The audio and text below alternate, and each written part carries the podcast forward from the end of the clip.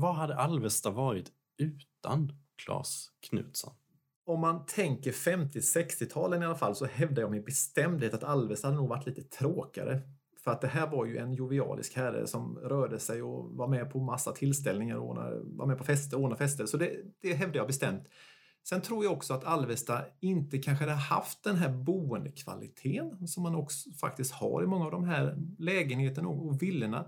Flera av dem är faktiskt arkitektoniskt mycket framstående. Så ett, ett byggnadsarv av rang och en eh, spännande människa hade man ju missat. Och jag har tänkt flera gånger när, när man skrivit och grävt, tänk att få varit med på något möte där med den starka mannen i Alvesta, Arvid Alvén och Claes Knutsson när de satt och planerade till exempel ett nytt område med 330 lägenheter. Det hade ju varit fantastiskt roligt.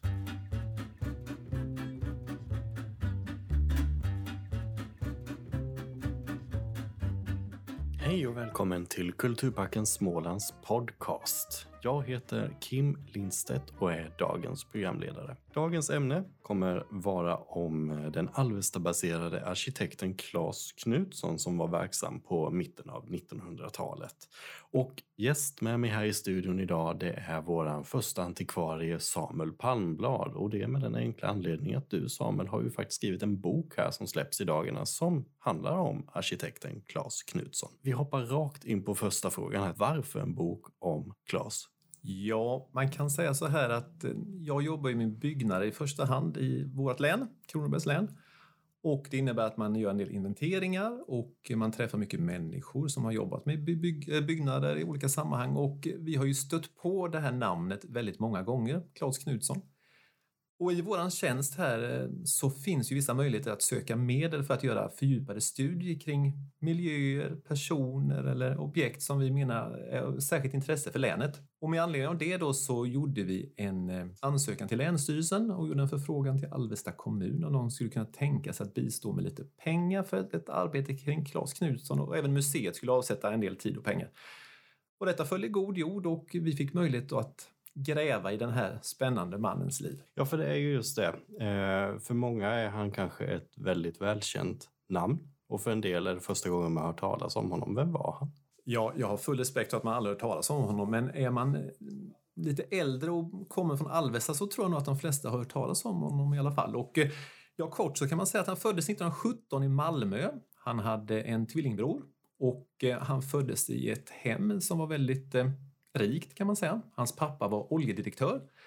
Och när man eh, tittar lite på hans skolgång och uppväxt då måste man ju faktiskt ändå säga att han var mm, bortskämd. Eh, han gick i skolan i Malmö på läroverket men var uppenbarligen lite kaxig mot sina lärare så han fick inte flytta upp i tredje ring utan då fick han sen gå i privatskola i Lund.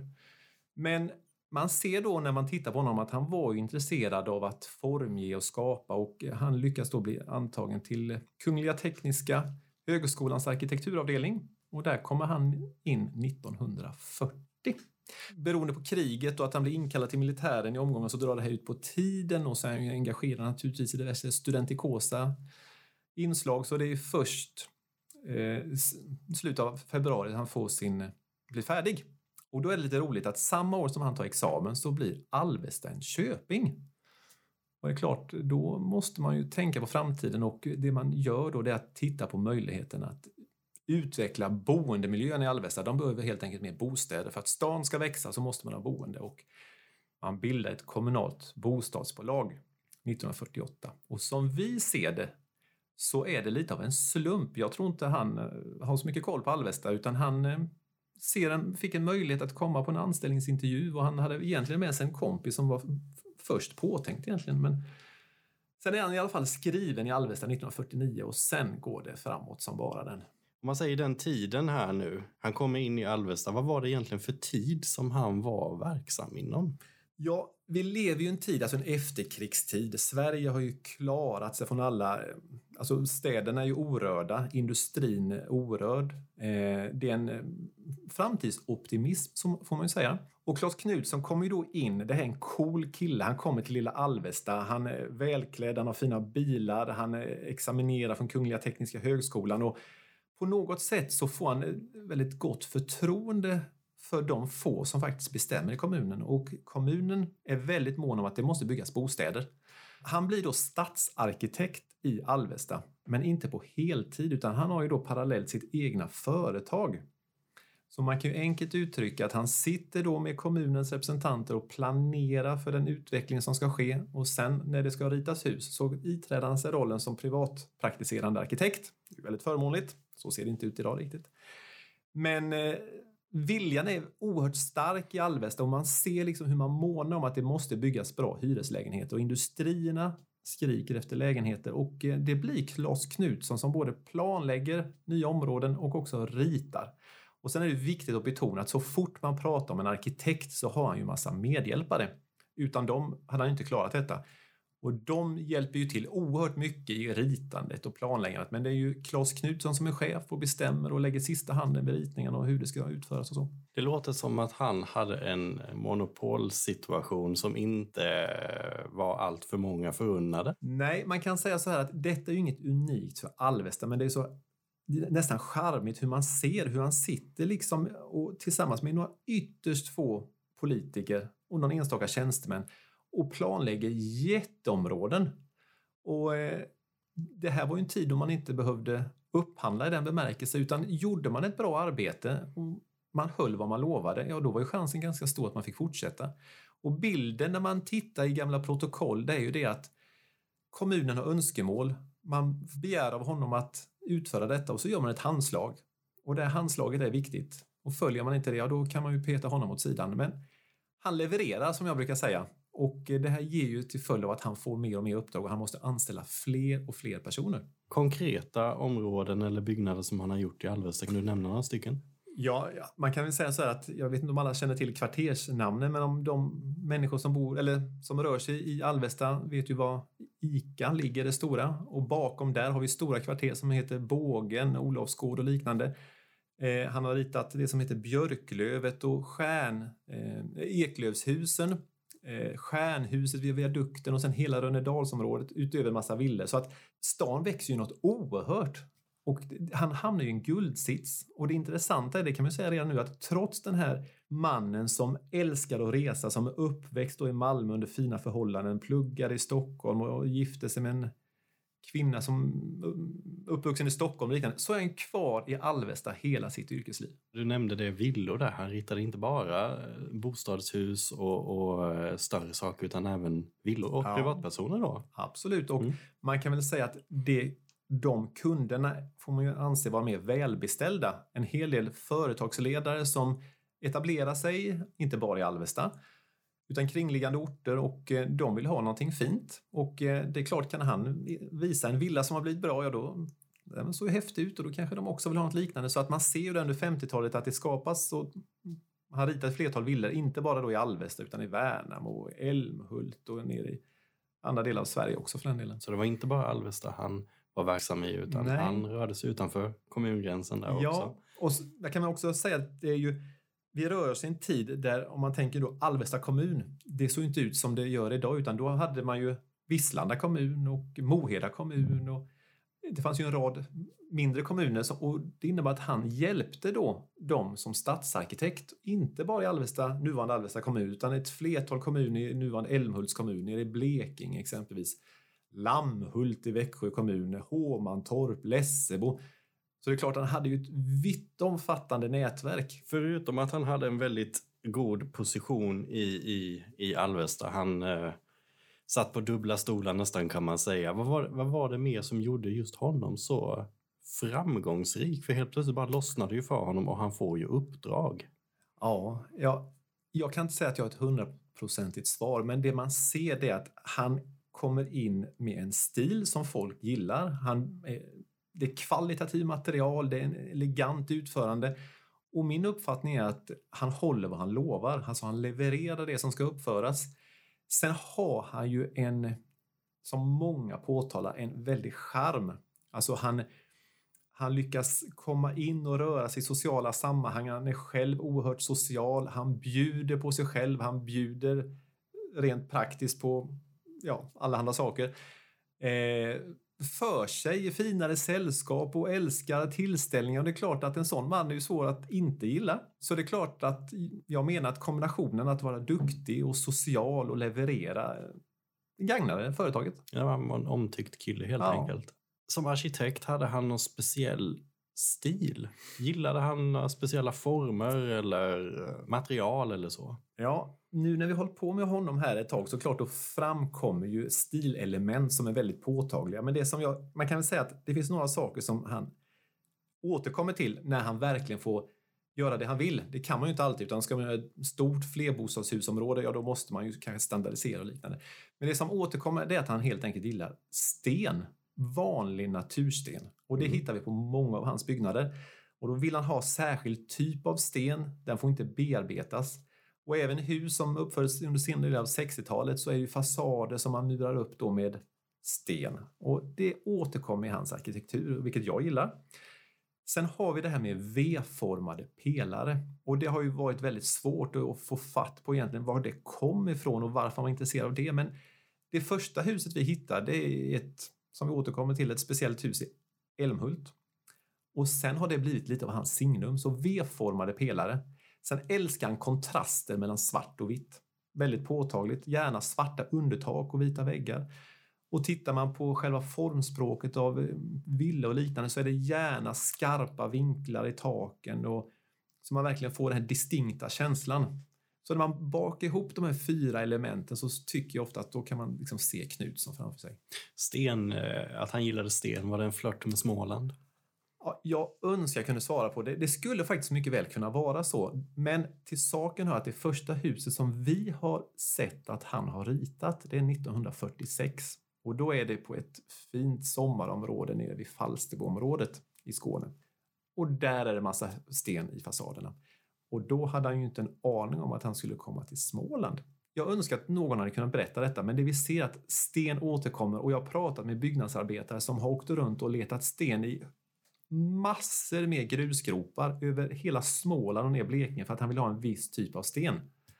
Så det var ett hästarbete att bara få tag i all denna sten. Och eh, vill någon verkligen se liksom det mest monumentala i den här stenvägen, om man säger, så ska man åka till Lammhults kyrka. Det är ju det mest makalösa vi har i länet när det gäller den typen av modernistiska byggnadsverk där man jobbat så mycket med sten. Och där har Claes varit arkitekt. Det är han bakom det. Och han fick kämpa där lite grann för man tyckte det i församlingsrådet att ska vi verkligen klä hela kyrkan med sten? Kan vi inte bara putsa det istället eller någonting? Nej, sten ska det vara.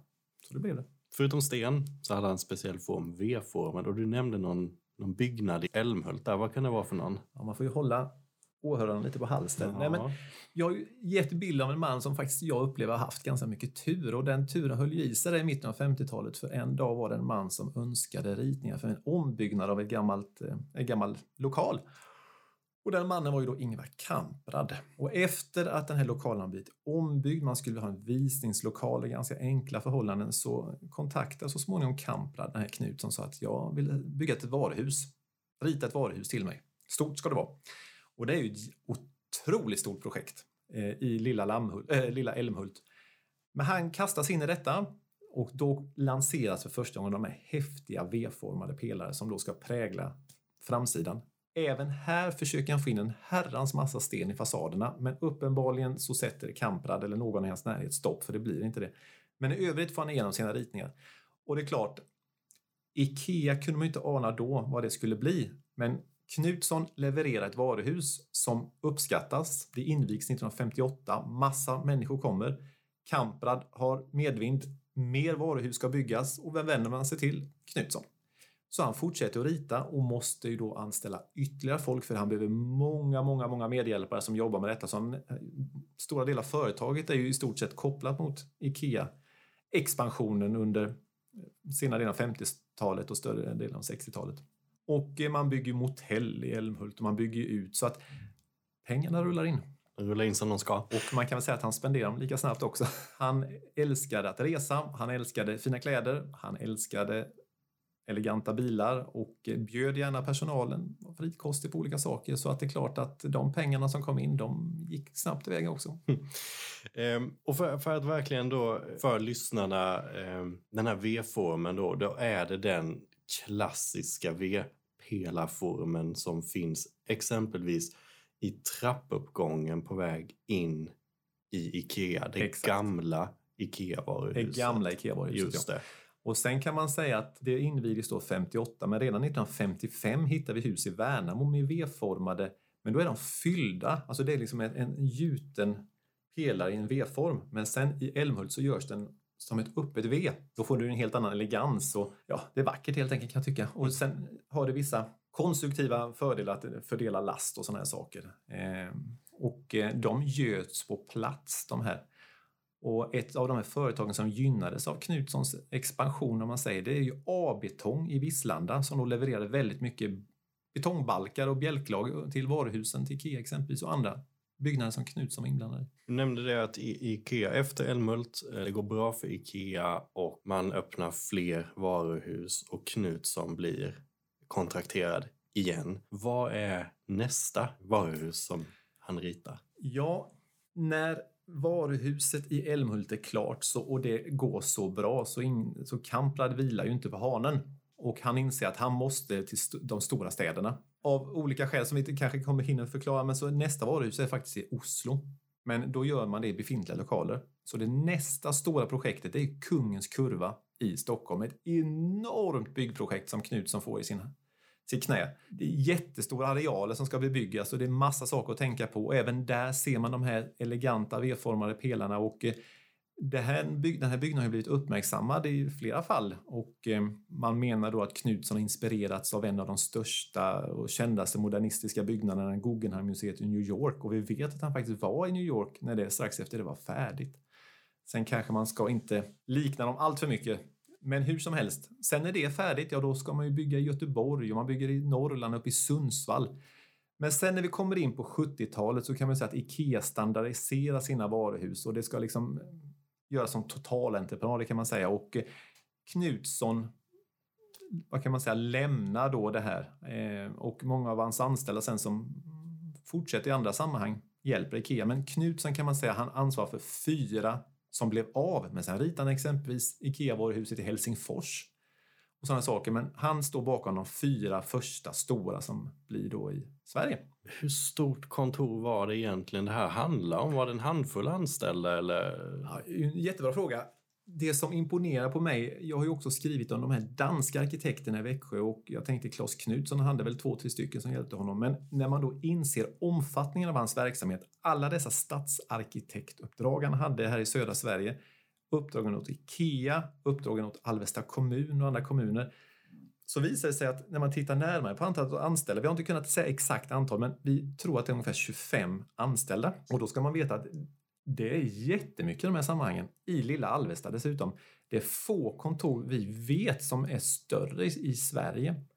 Och bara för att ge en bild av detta så under en period hyrde han ju hela övervåningen på Alvesta stationshus och hade det som kontor. Och då, liksom, då förstår man liksom ändå storheten i hans arbete. Det var ett stort Det var ett stort kontor helt ja, enkelt, ja, med massa uppdrag. Och då ja. pratar vi, som man säger, hans stora epok är ju 50-60-talen.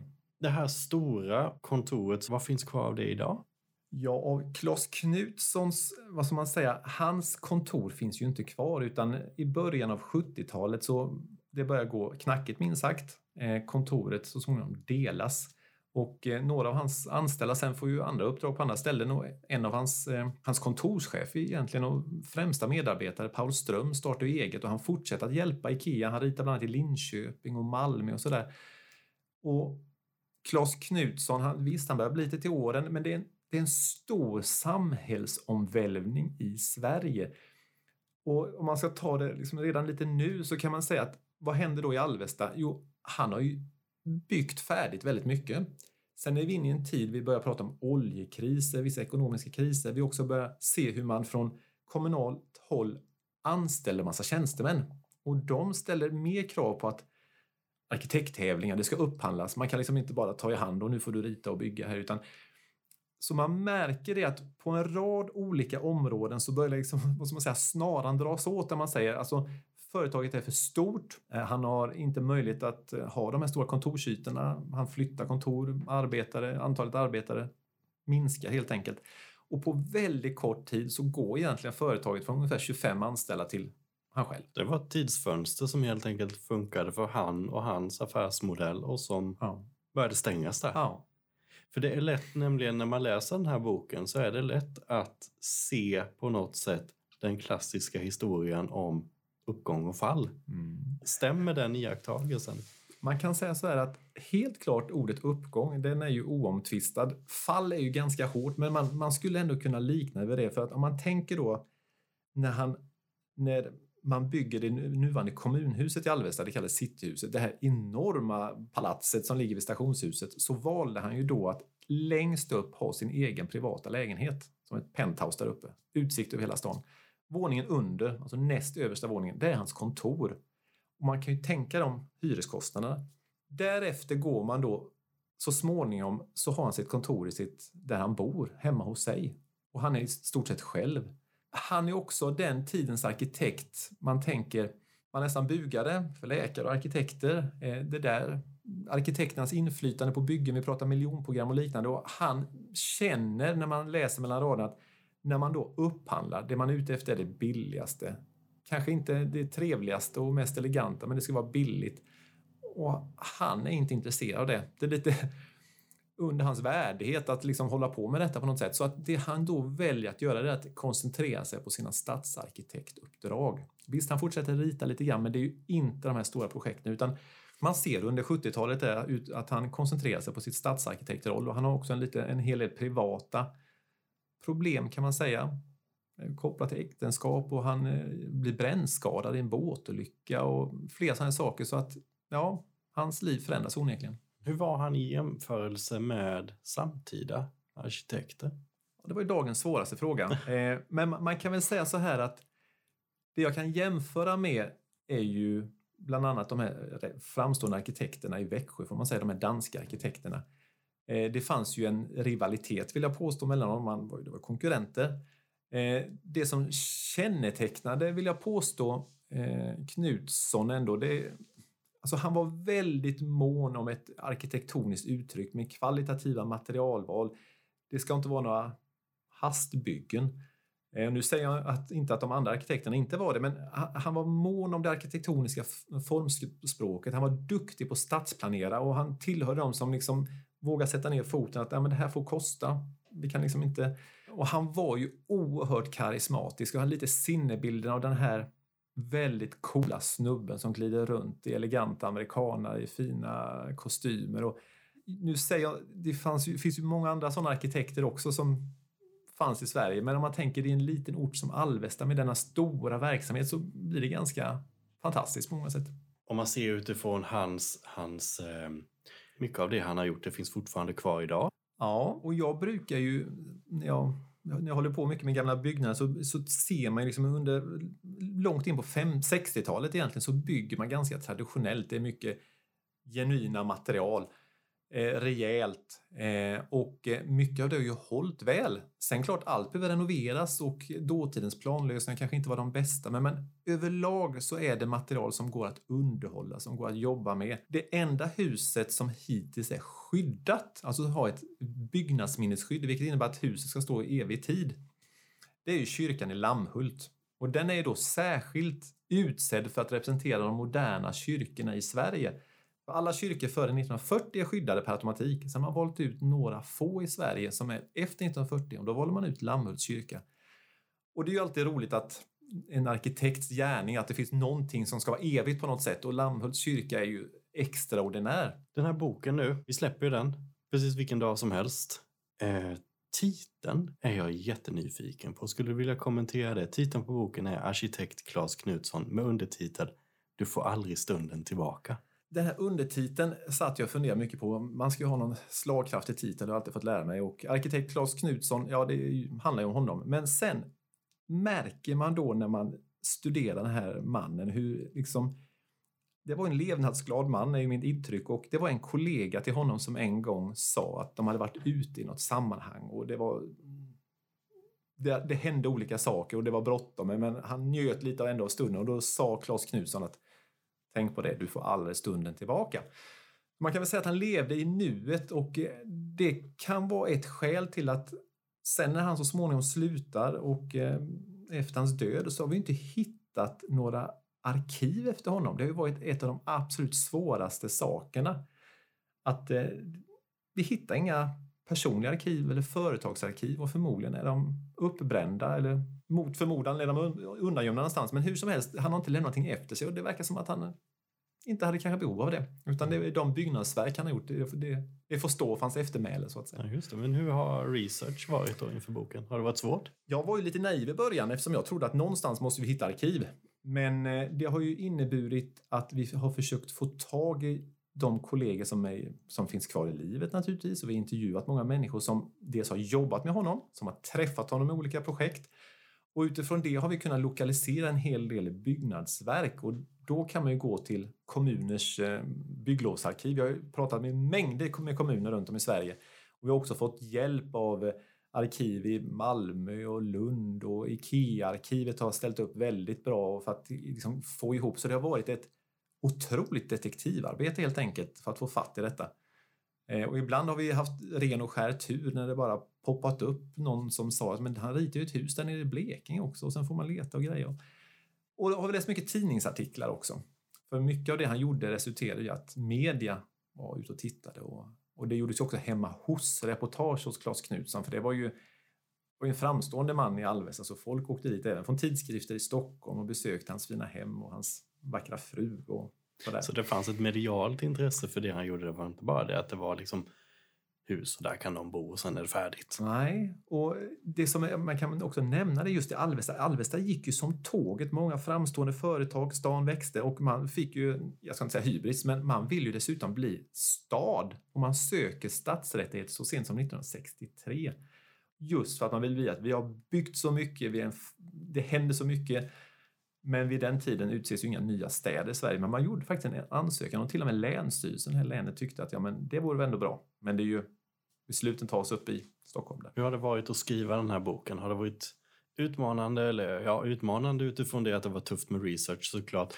Men har det varit kul? Och eh, vilka erfarenheter har du dragit av det? Det som är roligast är naturligtvis de här mänskliga mötena. Jag har ju suttit mycket i telefon med den lilla släkt som finns och mycket med hans anställda. åkt hem till mycket folk och suttit och pratat. Och, och man får ändå säga att det är inte lätt att skriva om en människa som jag aldrig har träffat och många har olika, man har ju alltid olika uppfattningar om människor.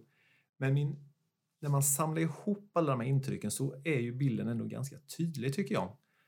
Eh, vilket gör att man kan stå för det man skriver. Sen känner man hela tiden att man vill ju liksom gräva ännu mer för det finns vissa tidsluckor. Till exempel, vad hände åren efter hans examen till han kom i, till Alvesta? Jag vet inte hur mycket tid jag lagt på det och vi kommer liksom inte, liksom, får inte, vi får inte fram den informationen. Det går inte att hitta. Och risken är liksom att nu när boken kommer, ja, då, då plötsligt dyker upp någon sån. Det är man alltid rädd för att det kommer i efterhand. Men där har vi en tidslucka. Vad gjorde han då? En mystisk person på det sättet? Ja, Eller är det, det bara liksom så det var? Det är kanske bara så det var och sen att inte... Han skrev ju inte om sig själv. En del arkitekter har ju nästan gjort egna arkiv om sig själv så att någon forskare nästan ska få lätt när man ska skriva eventuellt. Men här fanns ju inte det så man har ju fått uh, gå varligt fram helt enkelt. Och, och vi har fått många roliga beskrivningar av Alvestabo som ser den här mannen kommer med sina fina skinnhandskar och sätter sin sportbil och vinkar och så åker jag upp till Stockholm och sen så levererar ritningar till Ikeas nya varuhus där. Och han verkar varit ganska orädd och tänk, man tänker liksom kastas in i de här jätteprojekten. Och det innebar ju naturligtvis, och det måste man betona, att han hade en duktig medborgare, medborgare en duktig medarbetarkader som verkligen ställde upp och var duktig. Han hade väldigt hög ingenjörskompetens på sitt företag som medförde att man kunde ta sig an de här projekten. Då. Man levde liksom också i den tiden att lovade man att någonting ska vara klart i tid så då skulle man satsa på det.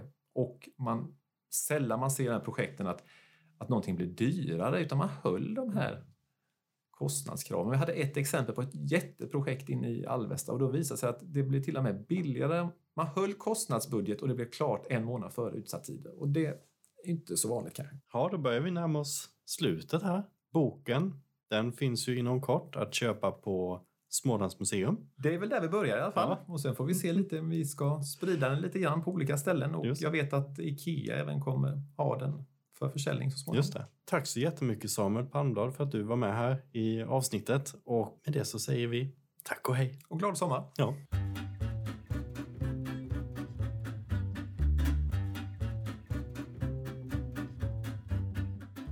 Du har lyssnat på en podcast från Kulturparken Småland. Dagens gäst var Samuel Palmblad, första antikvarie vid Kulturparken Småland. Programledare, teknik och redigering, det stod jag för, Kim Lindstedt.